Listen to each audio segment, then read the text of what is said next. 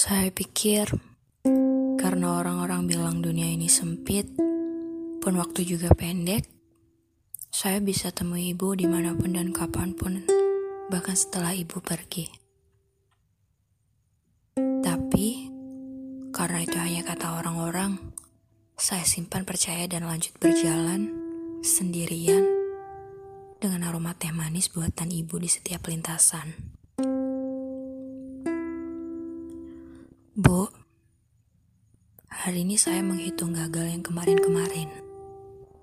Kalau ditambah dengan gagal yang hari ini juga, saya makin yakin kalau selama masih bernapas, gagal tidak akan pernah bosan menguntit saya. Yang bisa saya lakukan adalah menjadikan gagal sebagai teman yang tidak terlalu dekat, karena saya tahu ia sinis. Terima kasih untuk banyak pelajarannya. Sudah saya petik dan